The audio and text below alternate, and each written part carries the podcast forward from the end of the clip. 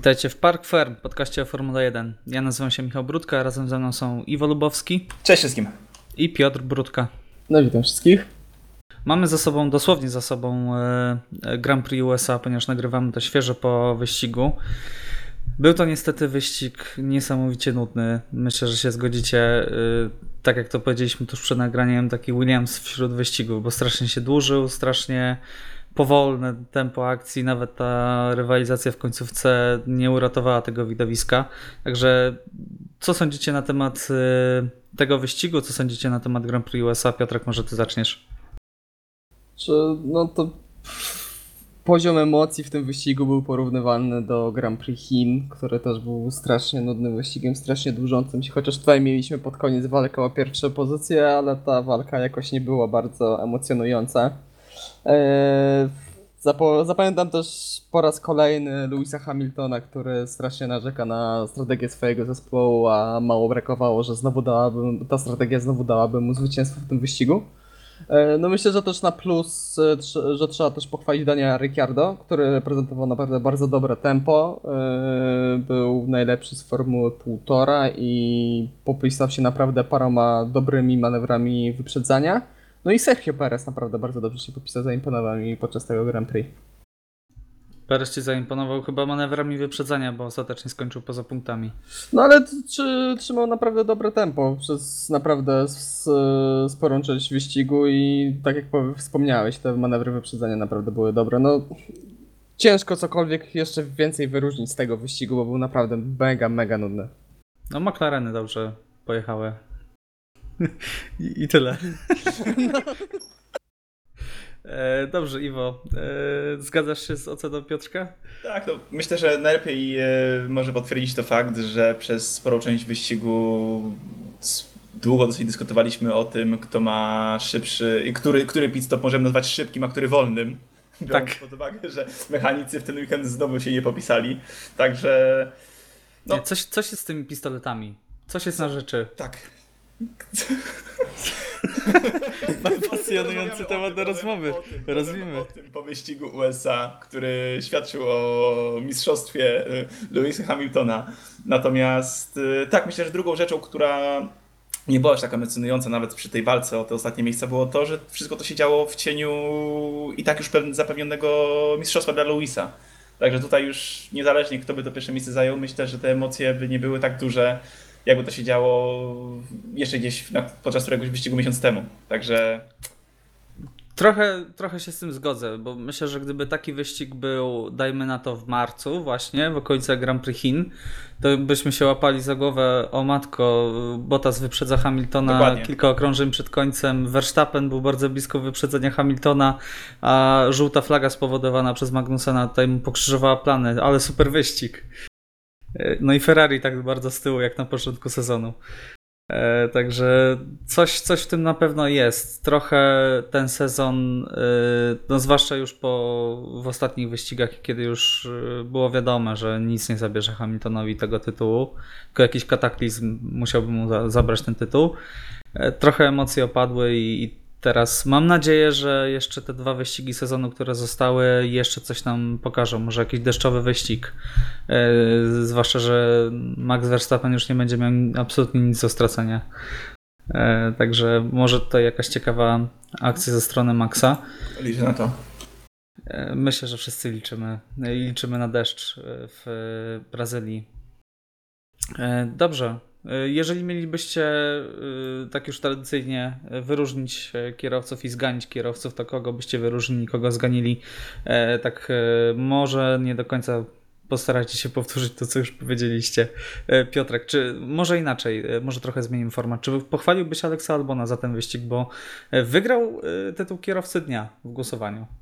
Kompletnie tego nie rozumiem. E, To był moim zdaniem, albo to był bardziej taki incydent wyścigowy, ale bardziej jego błąd, bo wydaje mi się, że tam trochę stracił przyczepności w tylnej osi i to spowodowało e, pit stop na pierwszym okrążeniu, jeżeli, jeżeli się nie mylę. E, No i nie oszukujmy się, no pie, ta pierwsza trójka ma e, takie osiągi, ta, e, te osiągi mają, są o tak wiele, na o wiele wyższym poziomie niż cała reszta stawki. Y, że nawet jak kierowca startuje z pit stopu, z pit lane, czy ma pit stop na pierwszym okrążeniu, y, no to, to to szóste miejsce to jest praktycznie pewne dla niego i to nie jest jakieś wielkie, jakieś mega osiągnięcie, a w tym wyścigu Alex Albon został kierowcą wyścigu. E, Tydzień temu był Max Verstappen, który nabrał mi na początku wyścigu. No, nie rozumiem tego. Ja bym tutaj nie pochwalił Alexa Albona za ten wyścig. Okej, czyli s- sugerujesz, że twoim zdaniem y, ta nagroda jest wystawiona głównie przez, y, jakby to powiedzieć, y, niedzielnych kibiców? Mm, bardziej holenderskich, bo bardzo często tam Verstappen wygrywa, ale trochę tak jest, bo no też w wyścigu takim jak ten ciężko wybrać jakiegoś jednego kierowcę, który o naprawdę pojechał fantastyczny wyścig. Mamy niektóre, te, mieliśmy parę takich wyścigów w tym sezonie, ale ten na pewno się do nich nie zaliczył. Okej, Iwo, zgadzasz się z tym?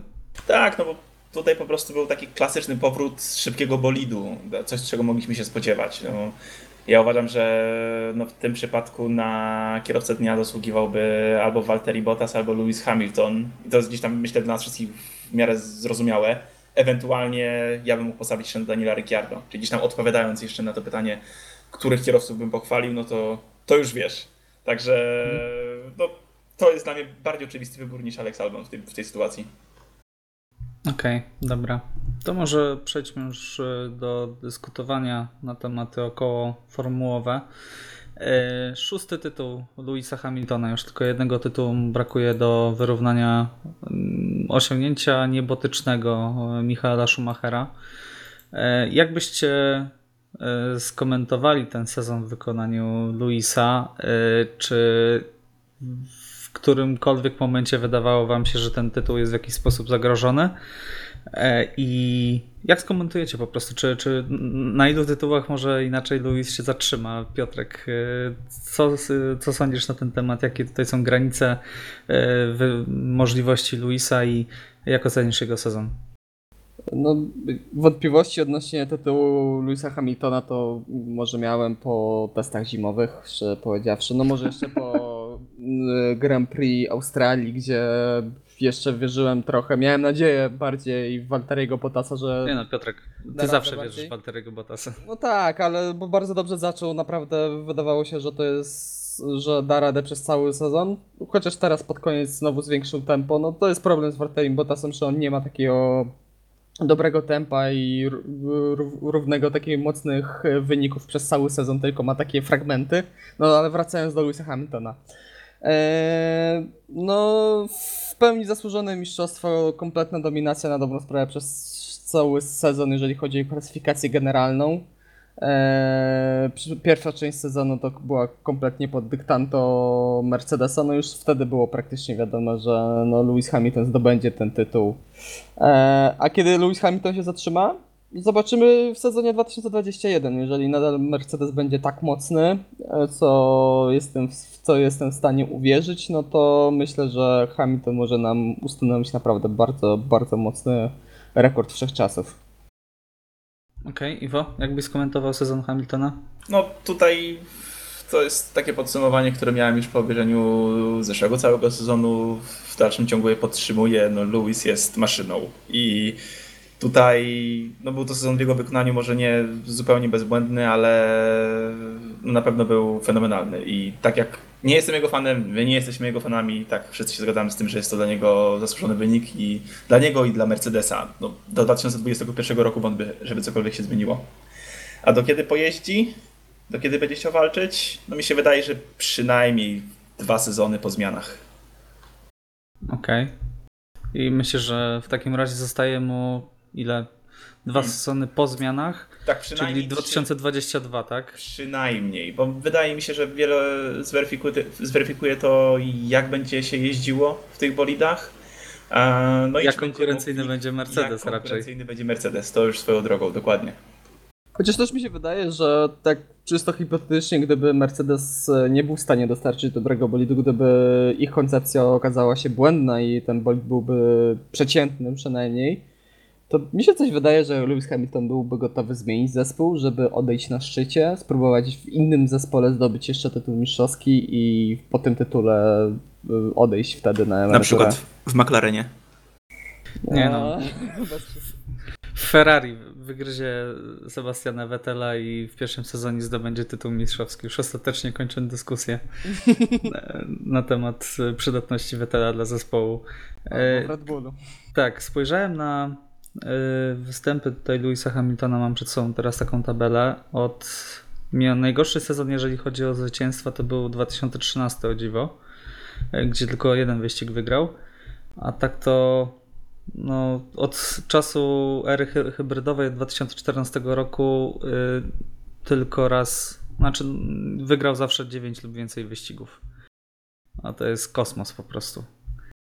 E, To jest niesamowite, że w każdym jednym sezonie wygrał przynajmniej jeden wyścig. To jest, Tak. to jest coś nieprawdopodobnego, naprawdę.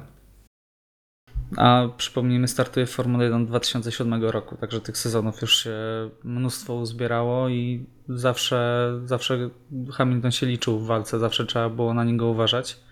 Nawet jeżeli ten e, jego bolid e, odstawał wielokrotnie, tak jak w 2009 roku, e, też wygrał wtedy dwa wyścigi, mimo że no, bolid, zwłaszcza w pierwszej części sezonu, nie był najlepszy. E, Także Luis na pewno y, w tym momencie najlepszy kierowca, tak? Naj, najrówniejszy kierowca, nie popełnia praktycznie żadnych błędów. Jedyny minus, jaki mogę wskazać, który strasznie irytuje, to jest brak wiary w zespół. E, Zespół, który dostarczył ci 5 tytułów mistrzowskich. E, tak? 5? Sześć. 5, 5, 5 tytułów Pięć, mistrzowskich pięć, pięć. bo jeden w McLarenie był. E, pięć tytułów mistrzowskich, a ty na każdym kroku, w ostatnich wyścigach to już jest aż chyba wyolbrzymiane nawet przez e, realizatorów. Za każdym razem jest nie, ta strategia jest zła, oni nas wyprzedzą. Nie, ta strategia jest fatalna. Za wcześnie zjechaliśmy. A opony nie wytrzymają. Ja z drugiej strony się zastanawiam, czy to rzeczywiście Lewis Hamilton e, w każdym wyścigu tak bardzo narzeka i jest jednym z niewielu albo jedynym kierowcą w stawce, który tak komentuje strategię zespołu. E, Czy to po prostu jest właśnie przez realizatorów tak wypuklane cały czas w każdym wyścigu, żeby nie wiem, może trochę podbudować emocje. Taką dramaturgię zbudować. Tak, tak, Luis tak. nie dojedzie na oponach odcinek 783. Najtwardsza mieszanka wszechczasów. No i swoją drogą trochę mi przykro, bo no, szkoda mi go, za każdym razem musi tłumaczyć stoi, ze stoickim spokojem, wiedząc, że to jest naprawdę dobra strategia, że to nie jest jakaś szalona strategia, która nie ma szansy powodzenia. No, nie mało za to słuchaj płacą tego- na pewno. No, to swoją drogą. No tak, ale to, coś, coś w tym jest zdecydowanie, że, mm, że Luis lubi sobie ponarzekać i często jest to, bardzo często jest to przekazywane w trakcie relacji. Ciekaw jestem, jak to wygląda u innych kierowców.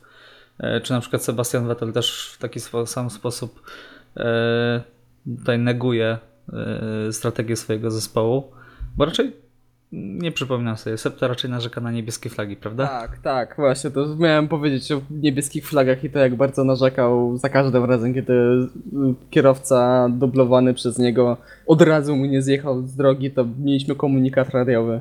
I to już naprawdę, to w sezonie chyba 2015 to była taka kulminacja tych niebieskich flag.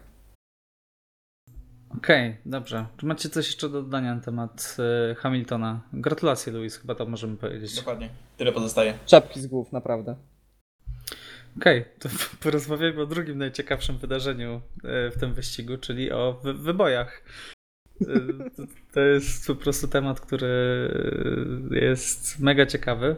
E, Mieliśmy jedną awarię. Myślałem, szczerze powiedziawszy, myślałem, że będzie więcej po tym, co się stało z Sebastianem Vettelem. E, Awaria zawieszenia. E, Przez cały weekend mieliśmy strasznie duże problemy, jeżeli chodzi o jakość nawierzchni. I moje pytanie tutaj do Was, czy dla Was to jest sytuacja akceptowalna? Czy podnosi w jakiś sposób to widowisko, ten dreszczyk emocji, czy, czy wywiezie tego kierowcę bardziej niż wcześniej, niż na okrążeniu wcześniej? E, Czy jednak e, no, Formuła 1 to Formuła 1 i e, tutaj standardy powinny być najwyższe i taka sytuacja, takie przygotowanie toru jest niedopuszczalne. Iwo, co sądzisz na ten temat? Powiem tak, ja nie przypominam sobie takich historii z zeszłego roku. Eee, może przez to, że sam wyścig po prostu był o wiele ciekawszy, był arcyciekawy dla mnie, ale no, nie było czegoś takiego. Czy wy sobie może przypominacie? Bo Nie, no, nie było, jestem no. w stanie sobie wyobrazić, żeby ten tor w ciągu roku przed taką, taką ewolucję w, w, w złą stronę. A skąd E. wiesz? Może jest użytkowany po prostu tak Znaczy- namiętnie. Owszem, tutaj namiętnie. No nie wiem, czy aż tak to by się zmieniło, czy to jest kwestia, czy, czy, czy, czy zostały postawione nowe tarki, czy w Silverstone została nałożona nowa nawierzchnia, prawda? I Mhm. kierowcy też narzekali, ale raczej dlatego, że tor był zbyt nowy, a no w tym przypadku tutaj nadaje się on już tylko i wyłącznie do, do poprawy, także e, nie, uważam, że jest to niedopuszczalne i powinni wyciągnąć wniosku, wnioski po tym wyścigu i porządnie przejść się po torze, naprawdę. Okej. Może puścić jakiegoś kierowcę y, wyścigowego i zapytać go, co na ten temat sądzi. Piotrek, Tak. jakie jest twoje zdanie? Znaczy no, to jest niedopuszczalne, tym bardziej, że kierowcy się skarżyli w piątek, że wychodzili z bolidów i naprawdę się źle czuli, że bolała ich głowa, że no, fizycznie to bardzo mocno odczuwali te, te wyboje. E, bo naprawdę widać było gołym okiem, jak te bolidy podskakiwały, one nie są przystosowane do tego. E, no i jechać cały wyścig na maksa w takich warunkach to naprawdę musiał być naprawdę ciężki wyścig dla dzisiaj dla całej stawki. E, No i ja myślę, że zespoły też e, no, ma, ze względów też finansowych to jest niedopuszczalne, bo widzieliśmy w trakcie wyścigu, jak często właśnie leciały Sypało się części. Sypały się części z bolidów. Raz to jest niebezpieczne, bo nigdy nie wiadomo jak ten kawałek poleci, co się z nim stanie. E, Dwa, e, no to są pieniądze, to są koszty generowane e, dla zespołów, że- muszą usunąć te, te, te, mm, te uszkodzenia w trakcie wyścigu, no pomijając Williamsa oczywiście. Ale no, dla mnie to jest niedopuszczalne. Takie przygotowanie toru, jeżeli mówimy o Formule 1, to jest niedopuszczalne. Mhm. Rozumiem, dobra. Czyli w takim razie przesyłamy jasny komunikat do e, właścicieli kota. E, nie róbcie tak. Przygotujcie lepiej na wierzchnię. że, że z drugiej strony to też jest dziwne, że oni o tym wiedzieli, bo sam Robert Kubica powiedział, że już przed wyścigiem doskonale wiedział, że stan na wierzchni będzie jaki będzie. Eee, się powoływał, że ma jakiegoś znajomego, który pracuje tutaj na torze i powiedział, że oni widzą, że jest naprawdę źle i że będzie bardzo wyboiście, także też jest druga sprawa, jakie jest podejście w Stanach Zjednoczonych do Grand Prix Formuły 1, że przed wyścigiem wiemy, że o kurde, nawierzchnia jest w bardzo złym stanie, ale dobra, nie robimy nic. No, wiesz. Formuła 1, nie? Dokładnie. To nie Indy 500, no. Dokładnie tak, to nie IndyCar, żeby się przejmować. E, Dobrze, to myślę, że zamknęliśmy tutaj kwestię e, bezpieczeństwa na, na torze w USA. E, Mieliśmy mały tutaj jubileusz, jeżeli chodzi o kierowcę. Max Verstappen zaliczył swój setny wyścig Formuły 1. Jest to niebywałe osiągnięcie, biorąc pod uwagę, że Max skończył ile? 21 lat? 22 22. lata. 22 lata skończył. Już ma 100 wyścigów na swoim koncie. E, Rekordzistą, e, rekordzista ma chyba około 370 wyścigów, o ile się nie mylę. To był e, Rubens Barrichello czy, czy Fernando Alonso? Rubens. Barykada mi się wydaje. Do sprawdzenia na pewno. Natomiast było to około 370 wyścigów, także w takim tempie, zwłaszcza jeżeli weźmiemy plany o kolejnym zwiększeniu kalendarza, to na pewno ten rekord będzie pobity, jeżeli Max przynajmniej do 30 e, dojeździ. Jakbyście, e, tutaj bardziej pytanie do Piotrka myślę, e, jakbyście, ja- jakbyś podsumował te 100 wyścigów e, Maxa Verstappena i jak sądzisz, e, o czym będziemy rozmawiać e, przy okazji kolejnej, e, kolej, kolejnego jubileuszu, czyli kolejnej setki e, o e, Holendra. Także o czym będziemy rozmawiać wtedy? Ja szczerze powiedziawszy jestem troszkę rozczarowany e, Maxem Verstappenem, e, bo to, że ma tempo i to, że ma niebywały talent i jest naprawdę niesamowicie szybkim kierowcą, to było widać od początku. No, koniec końców e, wygrał swój wyścig, w którym debiutował w Red Bullu. No, tegoroczne przygody zarówno Alexa Albona, jak i Pierre Gasly'ego pokazują, że to nie jest aż tak łatwe. E, oczywiście to był inny wyścig, inne warunki, inną formę miał wtedy Red Bull, ale nadal e, to był naprawdę niebywałe osiągnięcie. E, no i po tym naprawdę takim bardzo mocnym początku. No, Max Verstappen cały czas jest w czołówce, ma naprawdę jeździ bardzo, bardzo szybko.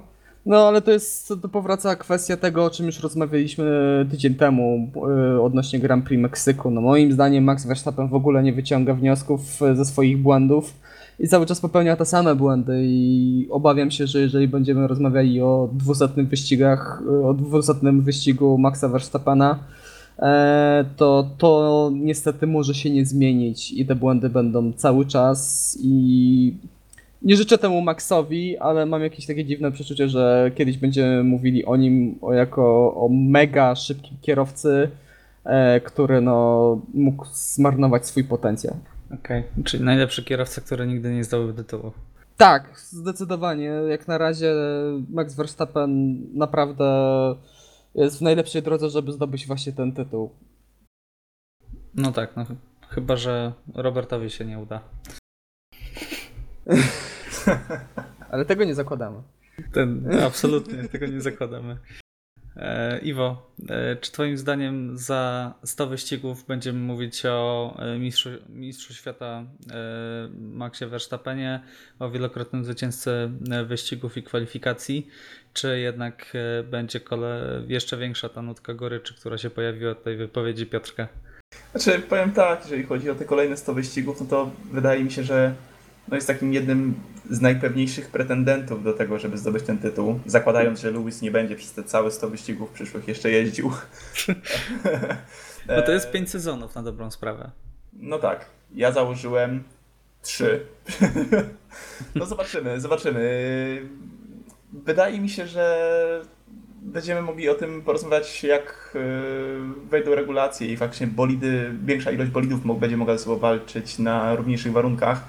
Natomiast no, to, co mnie teraz martwi, to jest to, o czym e, Piotrek wspomniał, czyli o, o niewyciąganiu wniosków. Tak jak na początku sezonu chwaliłem, ale chyba też myślę, że się razem zgadaliśmy z tym, że Max spokorniał i trochę i właśnie wyciągnął wnioski w stosunku do poprzedniego sezonu. Ja się nie zgadzałem. Ty się nie zgadzałeś, Piotrze, dobrze. Ale od połowy sezonu sam zauważyłem, że no jest, zrobił się znowu bardzo narwany, co wydaje mi się, udało się nieco, nieco wstrzymać przez te pierwsze wyścigi, no, szczególnie jeszcze przy tych dwóch zwycięstwach.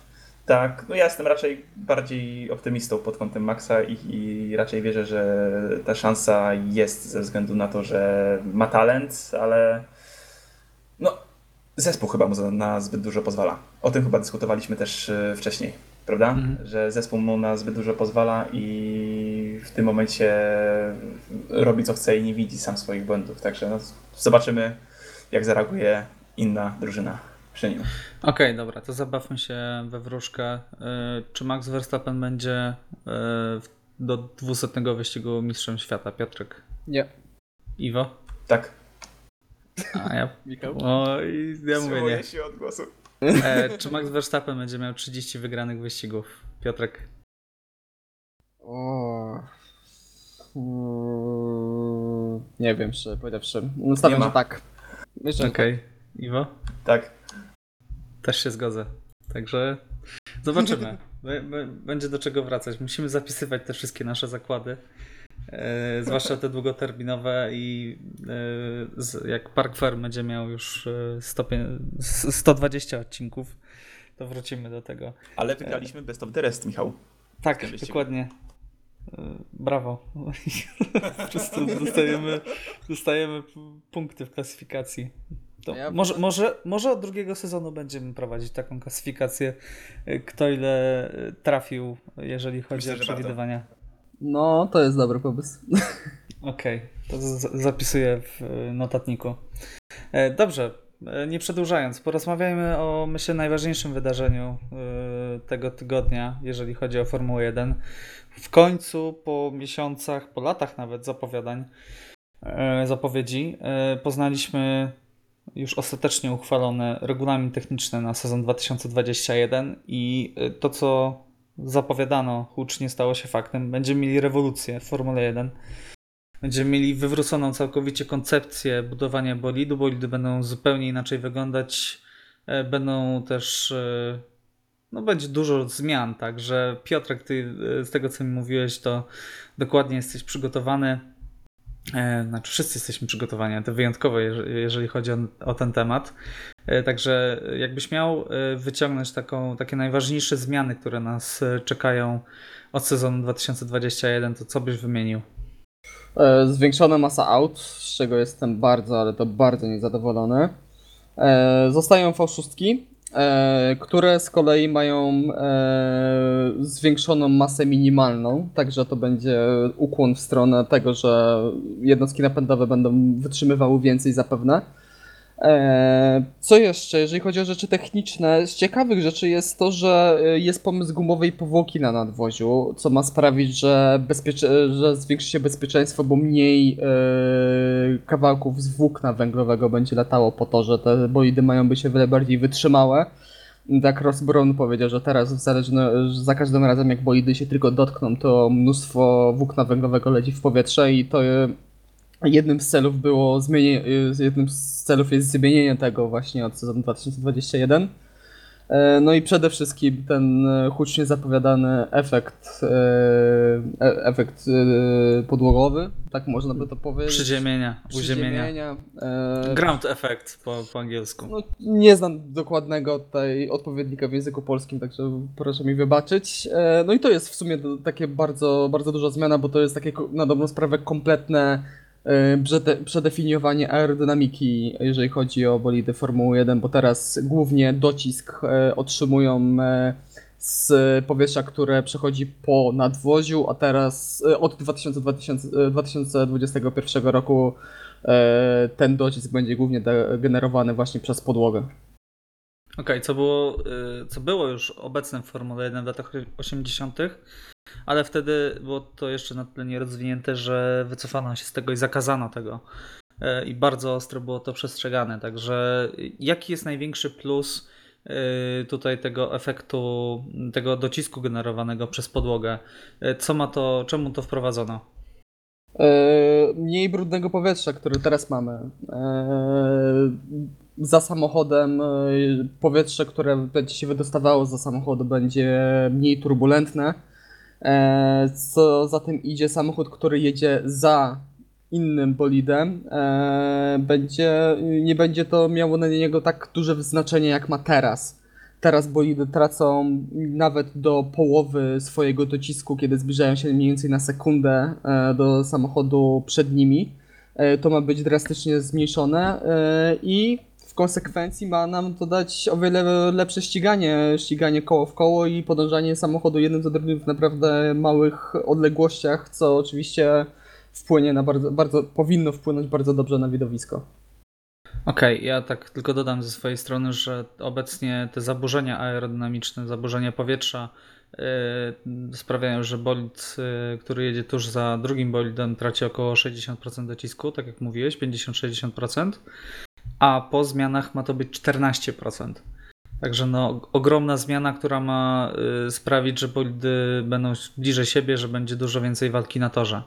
Y, I nawet y, jest taka debata, czy nie zrezygnować z DRS-u na niektórych torach, prawda? Oby. Oby. Piotrek jak zwykle. E, natomiast e, jest jeszcze druga część zmian, e, zmiany takie typowo już finansowe, tak? Myślę, że też o tym warto powiedzieć. Zmiany w budowie samego weekendu wyścigowego i ilości wyścigów w sezonie, bo pojawiła się informacja, że ma być maksymalnie 25 wyścigów w sezonie.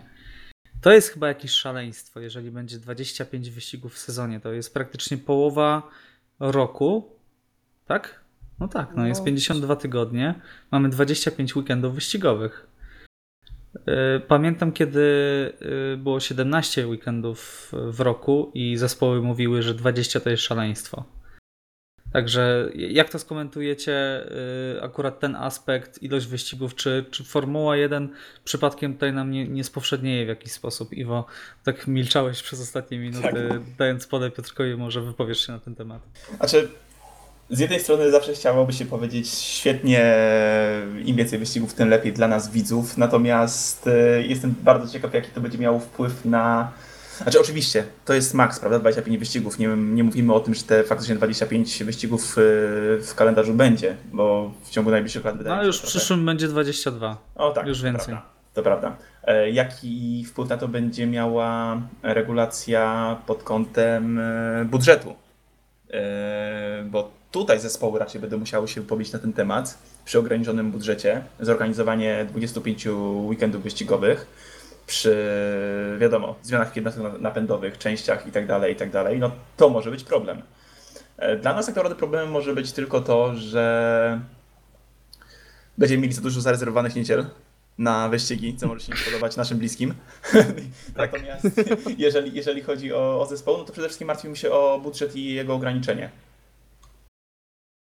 Okej, okay. to jak już mówimy o ograniczeniu budżetu, wprowadzono limit wydatków w wysokości 175 milionów dolarów na zespół w jednym sezonie, co ma też zbliżyć e, wszystkie zespoły e, no, żeby po prostu nie wydawały najbogatsze zespoły nie wiadomo jakich kwot. Bo teraz się mówi o ogromnych kwotach, dużo większych niż to 175 milionów. E, tylko, że jest sporo wyłączeń. E, jest wyłączeń na opłaty licencyjne, na płace kierowców, marketing. na wydatki na marketing, koszty księgowe, podatki, bonusy dla pracowników, kary finansowe i jeszcze sporo tego e, jest jeszcze wyliczone. I tutaj chciałbym ugryźć ten temat y, od tej strony, y, że y, jest to wprowadzone od 2021 roku, tylko że moim zdaniem powinno to być wprowadzone już od przyszłego roku. Dlaczego już tłumaczę?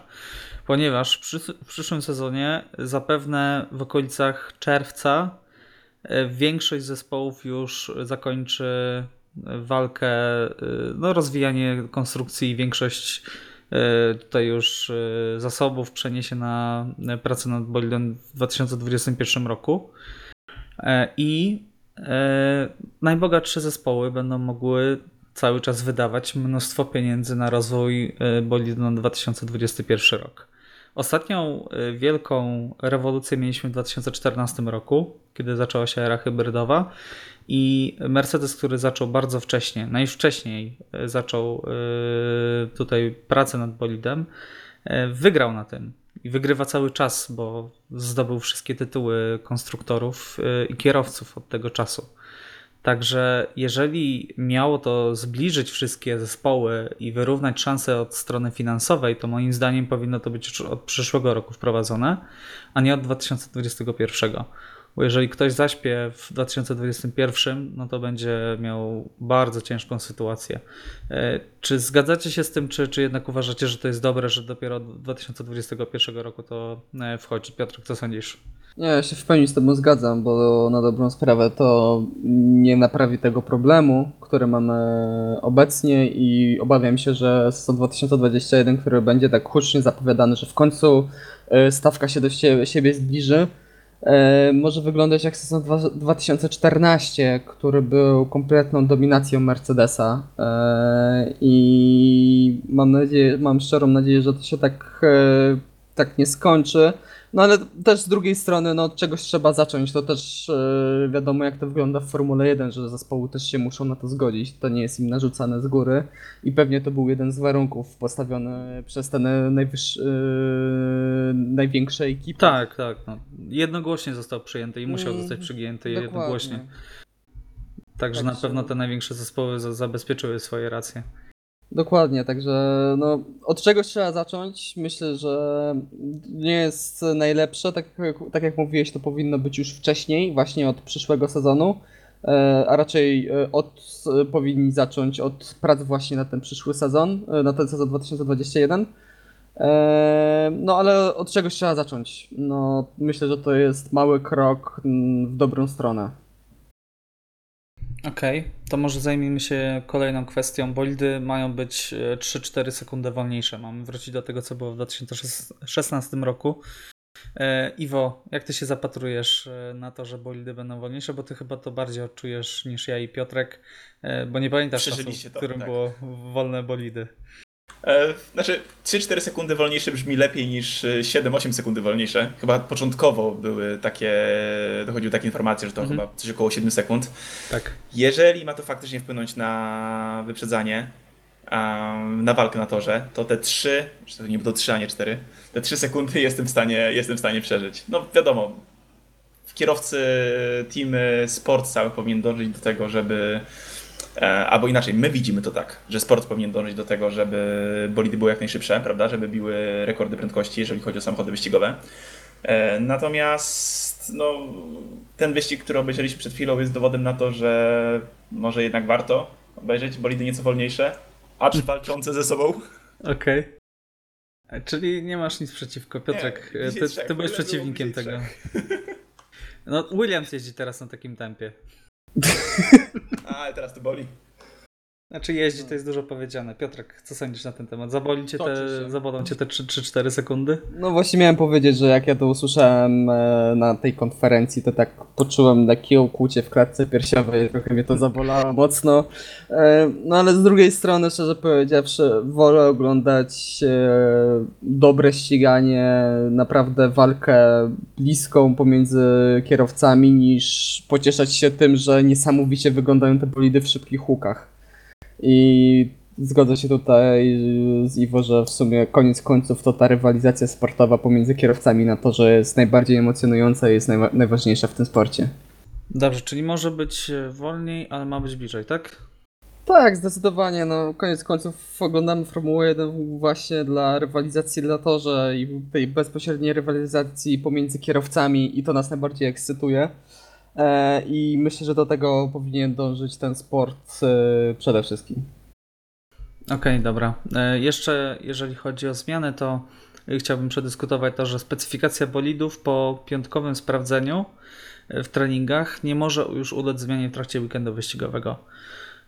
Czyli mamy tutaj kolejną zmianę, jeżeli chodzi o park Ferm. Tak. E, I e, jeżeli chodzi o. Będzie problem dla Williamsa, ponieważ nie będą mogli zmienić przednich skrzydeł w bolidach już po piątkowych treningach. E, Jak to, jak to skomentujecie? Czy, czy waszym zdaniem będzie to miało duży wpływ na weekend wyścigowy? Iwo, jak, jak sądzisz? No, będzie miało, ale to, to analogiczna sytuacja do tego, jak inaczej, można to skrócić do tego, do ograniczenia czasu testowania bolidów, prawda? Mniej czasu na hamowni, mniej czasu w tunelu aerodynamicznym, krótsze testy zimowe.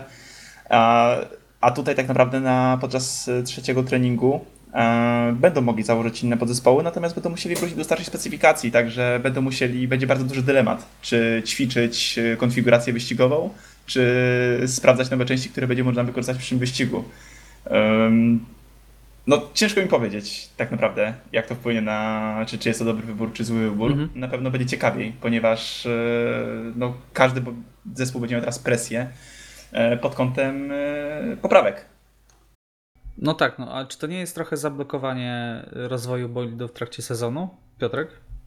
Czy mi się wydaje, że nie. Znaczy, nie wiem, czy was dobrze zrozumiałem, bo e, chodzi o to, że e, specyfikacja podzespołów zostaje taka, jak bolid e, do, został dostarczony do inspekcji technicznej w piątek rano, a park ferm obowiązuje od trzeciego treningu, czyli już e, w trakcie trzeciego treningu kierowcy nie mogą zmieniać ustawień bolidu.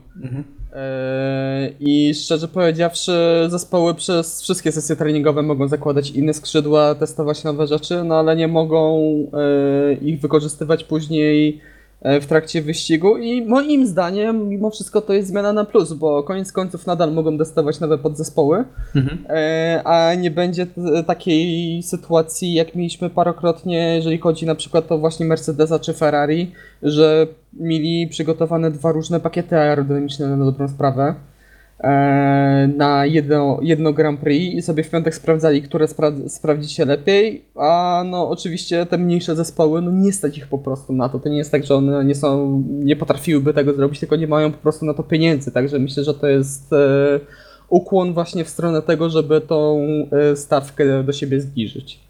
Okej, no chyba, że jest Williams. No Williams nie jest w stanie wyprodukować dwóch specyfikacji bolidów.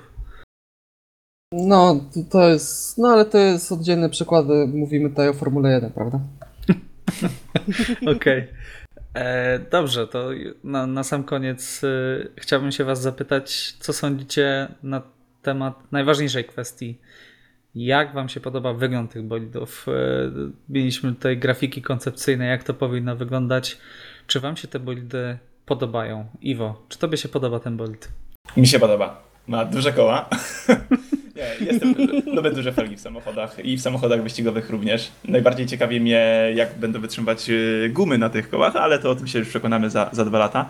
E, podsumowując, jest ładny, jest dynamiczny, jest, e, jeżeli chodzi przynajmniej o te koncepty, które widzimy, e, jest zachowana jakaś taka równowaga i subiektywnie jest, uważam, że jest naprawdę ładnym, ładnym samochodem.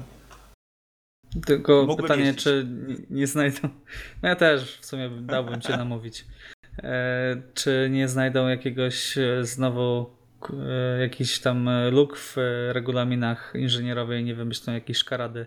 E, Piotrek, jak ci się podoba ten bolid z grafik koncepcyjnych? Z grafik koncepcyjnych mi się bardzo podoba. To jest naprawdę bardzo ładny bolid i chciałbym, żeby bolidy Formuły 1 tak wyglądały. No i myślę, że taki bolid z chęcią bym powiesił sobie na ścianie plakat z takim bolidem.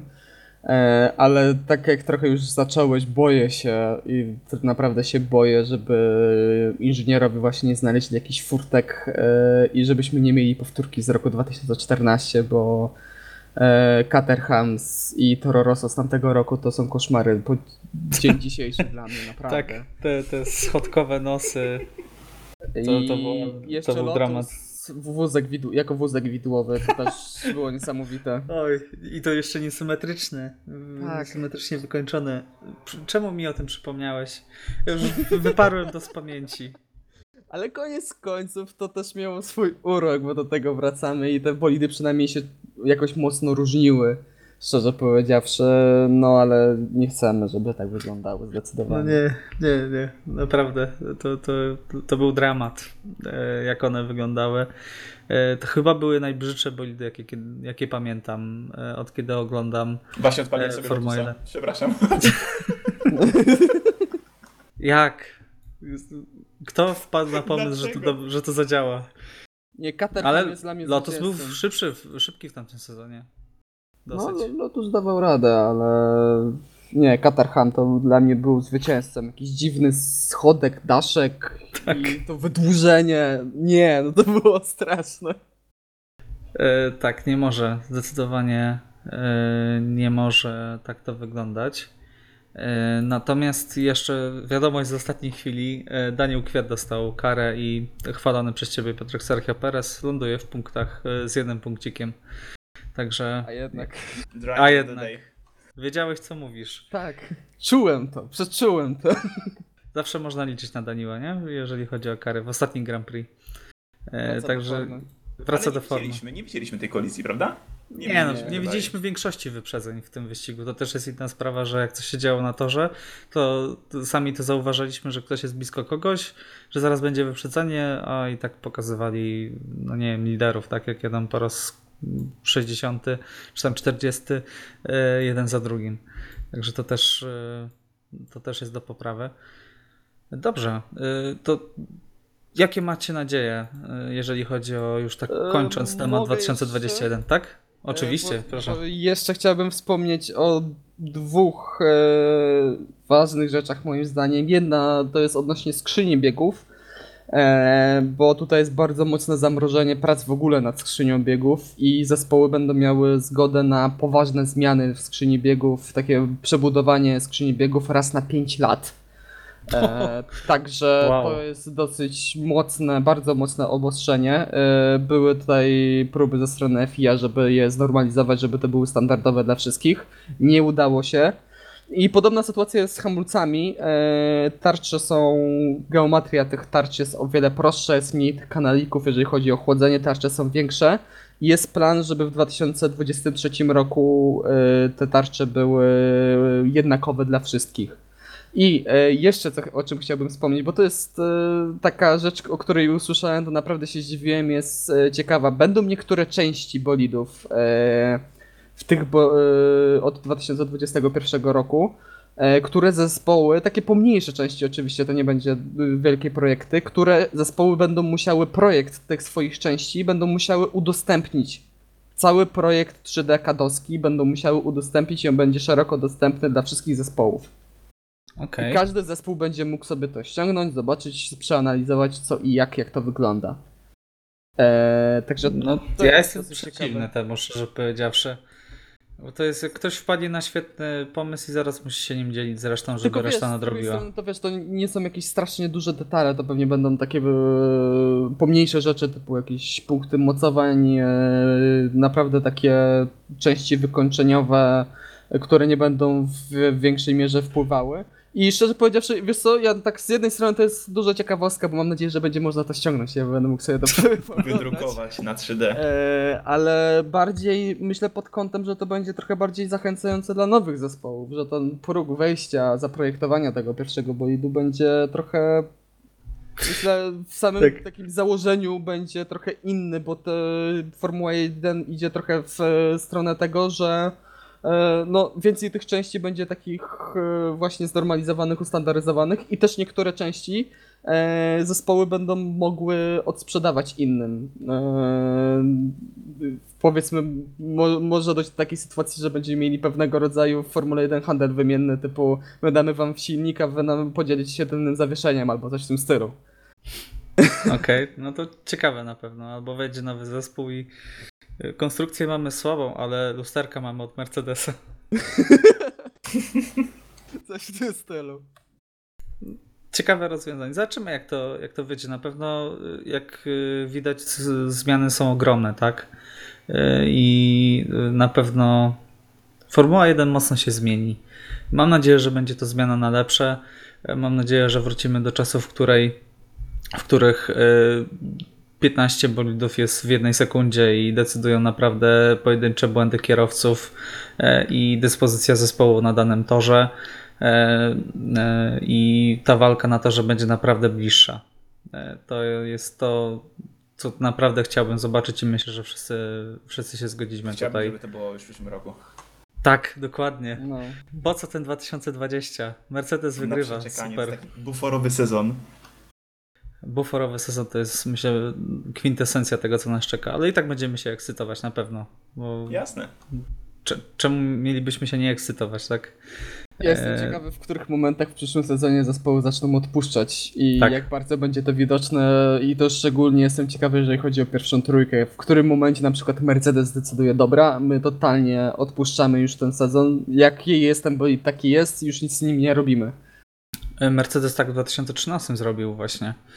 E, Jak czytałem wy, wypowiedź Rossa Brauna w rywalizacji totalnej, gdzie do przerwy wakacyjnej e, Mercedes liczył się w walce o mistrzostwo z Red Bullem, po czym oni zdecydowali, że już kompletnie nic nie robią z bolidem do końca roku e, i skupiają się na 2014, co im wyszło na dobre, jak wszyscy wiemy. Natomiast Red Bull po wakacjach przywiózł praktycznie połowę bolidu nową, no i wygrali co prawda 9 wyścigów do końca z rzędu, wygrał e, Vettel e, po przerwie wakacyjnej e, i zdobyli mistrzostwo bardzo wyraźnie. Natomiast e, no, cierpieli e, kilka miesięcy później, tak? E, Kiedy Cierpią przyszedł sezon dzisiaj. 2000. i cier- Cierpią do dzisiaj na dobrą sprawę. E, Dobrze. E, Myślę, że możemy zakończyć e, temat 2021. Pewnie jeszcze sporo tematów e, będzie się pojawiało w najbliższych miesiącach. Natomiast porozmawiajmy o tym, co się stanie za dwa tygodnie. Mam przed sobą Grand Prix Brazylii na jednym z moich absolutnie ukochanych torów Interlagos. E, Jak, e, czego się spodziewacie, co chcielibyście zobaczyć na torze e, i kogo typujecie jak zwykle do zwycięstwa w Formule, Formule 1, w Formule 1,5, e, na kogo stawiacie? Iwo, jakie są twoje przewidywania i czego byś sobie życzył od rywalizacji?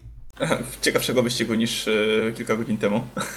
Okej. E, Znaczy, powiem tak, ja bardzo lubię krótkie tory, więc e, Interlagos jednocześnie staje się jednym z nich. Naprawdę e, lubię go oglądać, lubię się na nim ścigać w symulatorze.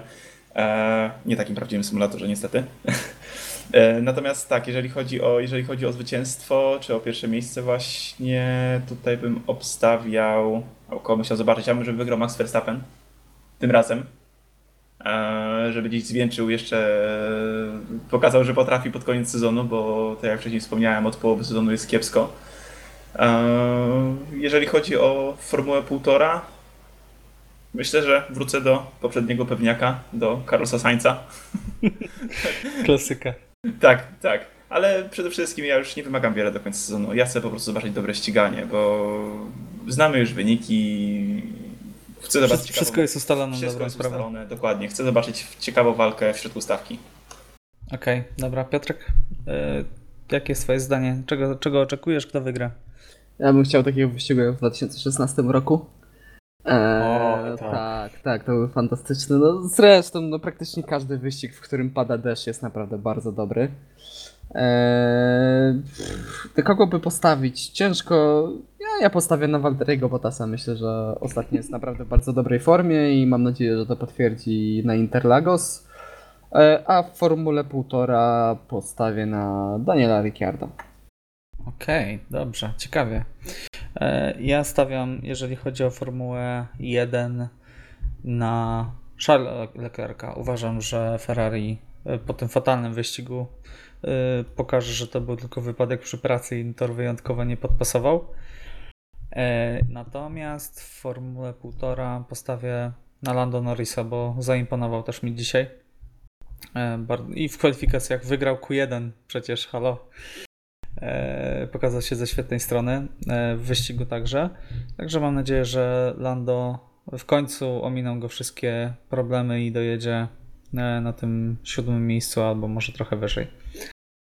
Dobrze, czy chcecie coś jeszcze dodać e, na temat 2021, na temat szóstego tytułu Hamiltona, czy, e, czy to wszystko i kończymy, kończymy ten odcinek? Ja bym mógł dodać jeszcze jedną rzecz, niezwiązaną z Formułą 1. Mogę? E, Oczywiście. Bo dzisiaj jest naprawdę bardzo dosyć duży sukces polskiego motorsportu, bo zdobyliśmy srebrny medal na pierwszych e, igrzyskach motorsportowych. Okej. Tak. Co, co to jest? E, Artur Janusz i Artur Lewandowski e, zdobyli srebrny medal w e, GT. Są to takie no, igrzyska, powiedzmy, motorsportowe. Było parę dyscyplin, było właśnie wyścig GT, był slalom kartingowy, był drifting, było wyścigi F4 i był też sim racing. I Mm. właśnie w wyścigach GT naszej dwójce udało się zdobyć srebrny medal jadąc z Lamborghini Huracanem GT3. Okej, to gratulujemy. Taka ciekawostka. Dobrze, to będziemy już kończyć. Chyba, że Iwo chce, chcesz coś jeszcze dodać. Nie, właśnie, właśnie sobie przejrzałem, jakie dyscypliny były w, w igrzyskach, bo zaciekawiłem się, będę musiał nadrobić. Brak. Okej, ale szczerze gratulujesz. Szczerze gratuluję, dokładnie. Dobrze, w takim razie e, będziemy powoli kończyć. E, to był 16 odcinek e, podcastu Park Fair. Możecie nas słuchać na Spotify, na Apple Podcast i Google Podcast i wielu innych platformach streamingowych. Dziękujemy Wam bardzo za uwagę i mamy nadzieję, że za dwa tygodnie będziemy rozmawiać o dużo lepszym wyścigu. Rozmawiali o Grand Prix USA Iwo Lubowski, Dzięki wszystkim. Piotr Brudka Dzięki wielkie. i Michał Brudka. Trzymajcie się, cześć.